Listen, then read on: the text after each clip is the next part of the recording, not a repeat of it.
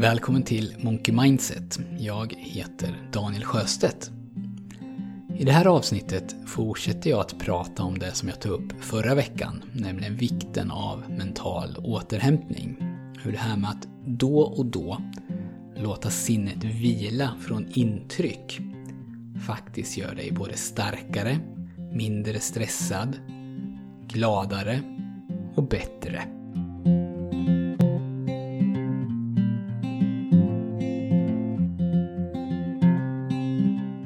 2002 ledde en läkare som heter Bruce Mosley, en amerikan, en studie där man kollade på effekterna av att operera artros i knät.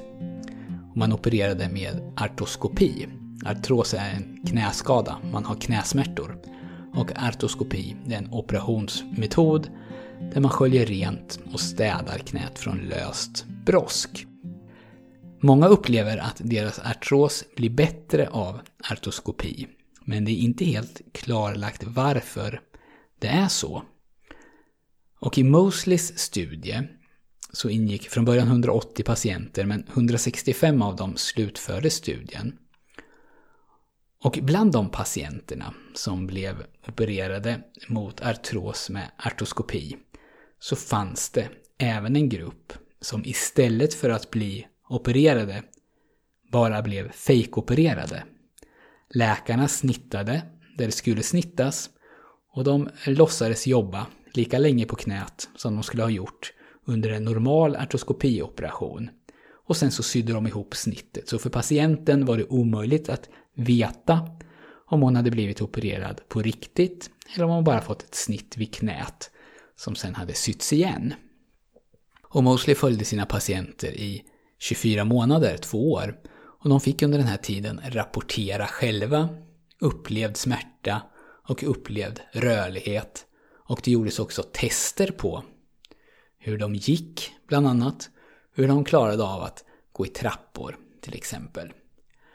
Och inte under någon gång, och inte på någon av de faktorerna som mättes och rapporterades, så kunde det uppmätas någon statistiskt signifikant skillnad mellan de som hade blivit opererade på riktigt och de som hade blivit fejkopererade. Och det finns nu olika sätt att se på den här studien. Ett sätt det är att säga att eftersom ett snitt i knät, ett meningslöst snitt som man inte gjorde någonting med utan bara sydde ihop igen, eftersom det hade samma effekt på patientens upplevda och mätbara situation som en riktig operation hade, så är den här operationen verkningslös, värdelös. Det finns ingen anledning att operera. Och det här kan ju tyckas vara en rimlig slutsats.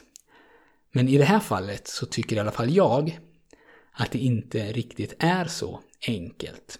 Det hade ju varit så enkelt om det inte hade uppmätts någon skillnad mellan de som vet att de blir opererade och en grupp som inte blir opererade, som vet att de inte får någon behandling. Men så var inte fallet här, för de som blir opererade upplever att knäna blir bättre än vad de var innan operationen. Så operationen hjälper jämfört med att inte göra någonting. Men det finns däremot ingen skillnad mellan de som tror att de blir opererade och de som blir opererade på riktigt. Så ett annat sätt att se på det här kan ju vara att här har vi någonting. Någonting som vi inte förstår fullt ut, men som hjälper mot en knäskada. Någonting så konkret som en knäskada. Lika bra som operation. Och innan jag fortsätter nu så vill jag bara berätta att den här studien och studier som har gjorts senare, det har inneburit att man nu har hittat andra behandlingsformer för artros. Man opererar inte längre Eh, åtminstone inte alls i samma utsträckning som man gjorde förr, utan man eh, behandlar det med träning och rehab, bland annat. Men det här fenomenet, det är inte någonting som bara har uppmätts en enda gång för att aldrig mer återkomma, utan Mosleys studie, den är inte unik, utan det finns andra studier som har visat på samma sak, alltså att fake-operationer eller fake-behandling ger samma effekt som riktig behandling och där riktig behandling faktiskt ger effekt. Så det verkar ju finnas ett starkt samband mellan kropp och sinne. Om sinnet ställs in rätt på att tro att behandling har skett så verkar det kunna påverka kroppen på en djupare nivå än det här att vi bara känner oss lite lugna eller peppade eller optimistiska. Eller någonting annat som är flyktigt och kan härledas till attityd. Som sinnet ställs in på läkning, att läkning ska ske eller har skett, så kan det då, åtminstone i vissa fall som det verkar, läka och stärka. Så finns det då något annat sätt att komma åt de här egenskaperna som vi har. Något sätt som inte innebär att en läkare behöver lura oss. Att han utför en operation som han inte utför. Och det verkar vara så. Det verkar finnas andra sätt. 2008 till exempel så gjordes en studie av en man som heter Herbert Benson. Och han är författare och eh, bland annat professor på Harvard Medical School. Hans grupp, de använde en metod där de kunde isolera och studera eh, varje enskild gen hos försökspersonerna. Sammanlagt så kunde de då kolla på 54 000 gener hos varje person.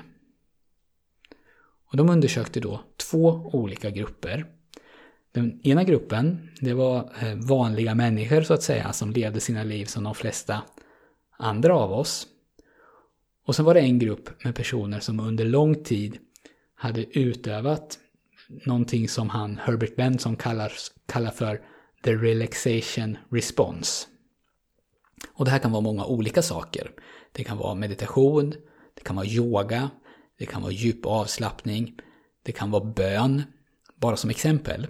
Men någonting, en aktivitet, där vi medvetet och regelbundet låter kropp och sinne slappna av. Och när de tittade på generna hos individerna så upptäckte de särskilt att ungefär 2200 gener skilde sig åt mellan de här två grupperna. Det var samma gener, men de var inställda på olika sätt i grupperna. Och jag ber om ursäkt nu om jag använder fel uttryck. Jag går efter boken och har försökt att översätta de här termerna på ett sätt som går att förstå. Men de här generna var alltså inställda på olika sätt. Och de här generna som i eh, meditationsgruppen, om du ska kalla det för det, så annorlunda ut än vad de gjorde i Svenssongruppen. Det var gener som påverkade sånt som stress, immunsystem, förtida åldrande, bland annat. Sen så satte man den här vanliga människor-gruppen, Svensson-gruppen, på att träna avslappning. Och om jag läser rätt här så verkar det vara att man tränar det på i stort sett exakt samma sätt som man gör när man lyssnar på de här ljudfilerna som jag har. Man lät dem träna i åtta veckor, varje dag. Och sen kollar man igen. Då hade ungefär 1500 gener förändrats sedan innan träningen. Termen som används i boken är att de hade changed expression, förändrat sitt uttryck. Och av de 1500 generna så var nästan en tredjedel gener som fanns i den här gruppen som fungerade särskilt gynnsamt hos meditationsgruppen, alltså stress, immunsystem, åldrande och så vidare. Den här sista studien den har jag hämtat från en bok som heter Relaxation Revolution. Och den är skriven av Benson och en som heter Proctor. Och i den boken så listas massor av åkommor som just avslappning ska kunna lindra eller bota. Och jag kommer att komma tillbaks till det i kommande poddar, men det jag tycker vi kan understryka just nu, det är att Benson, dels att Benson är väldigt tydlig med att det behövs inte någon speciell metod för att kunna dra nytta av det här. Det är inte så att han har ett exakt recept där man ska träna exakt på det här sättet. Utan i den här studien så använder han muskulär och mental avslappning på samma sätt som man gör inom mental träning. Men han nämner också meditation, yoga, bön och så vidare. Han skriver uttryckligen att så länge man uppnår mental avslappning så spelar det ingen roll hur man kommer dit. Och som jag tjatar om ganska ofta så räcker det ju inte med att läsa boken eller att lyssna på den här podden och sen tycka att det här låter väldigt intressant och det vore roligt att testa. Utan det enda som betyder någonting i det här sammanhanget, alltså för att få resultatet, det är ju att ta sig från stadiet till att vilja testa till att verkligen göra det.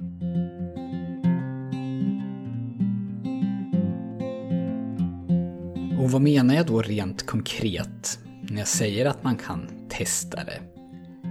Jo, det är ju att göra någonting som slappnar av ditt sinne och att börja göra det regelbundet, helst varje dag. Det kan vara att börja meditera, till exempel. Att ladda ner en meditationsapp på mobilen, kanske. Eller gå in på YouTube och hämta någonting gratis. Och bara sätta igång. Inte bry sig om huruvida det blir perfekt, eller om man gör rätt. Utan att bara följa instruktionerna så gott man kan. Och göra det. Eller att börja träna mentalt med ljudfiler. Och jag har ju gjort såna här ljudfiler som du kan få gratis. Om du går in på min hemsida monkeymindset.se så finns det där en ruta, en röd ruta, där du kan ange din mailadress. Och då skickar jag dig fyra ljudfiler och instruktioner som man kan använda för att komma igång med mental träning. Alltså den här avslappningen. Och de här ljudfilerna eh, räcker väldigt långt, tycker jag själv. Jag tränar själv med de här grundläggande filerna. Men om man vill ha det lite mer utförligt, Eh, lite fler ljudfiler, lite fler instruktioner eh, och några andra typer av övningar så har jag också gjort ett träningsprogram som jag säljer. Och information om det, så fin det finns också på hemsidan. Och då klickar du på träningsprogram. Det var allt för den här gången och du får gärna lämna en recension på iTunes. Det hjälper podden mycket. Tack så mycket för att du har lyssnat och jag hoppas att vi hörs snart igen.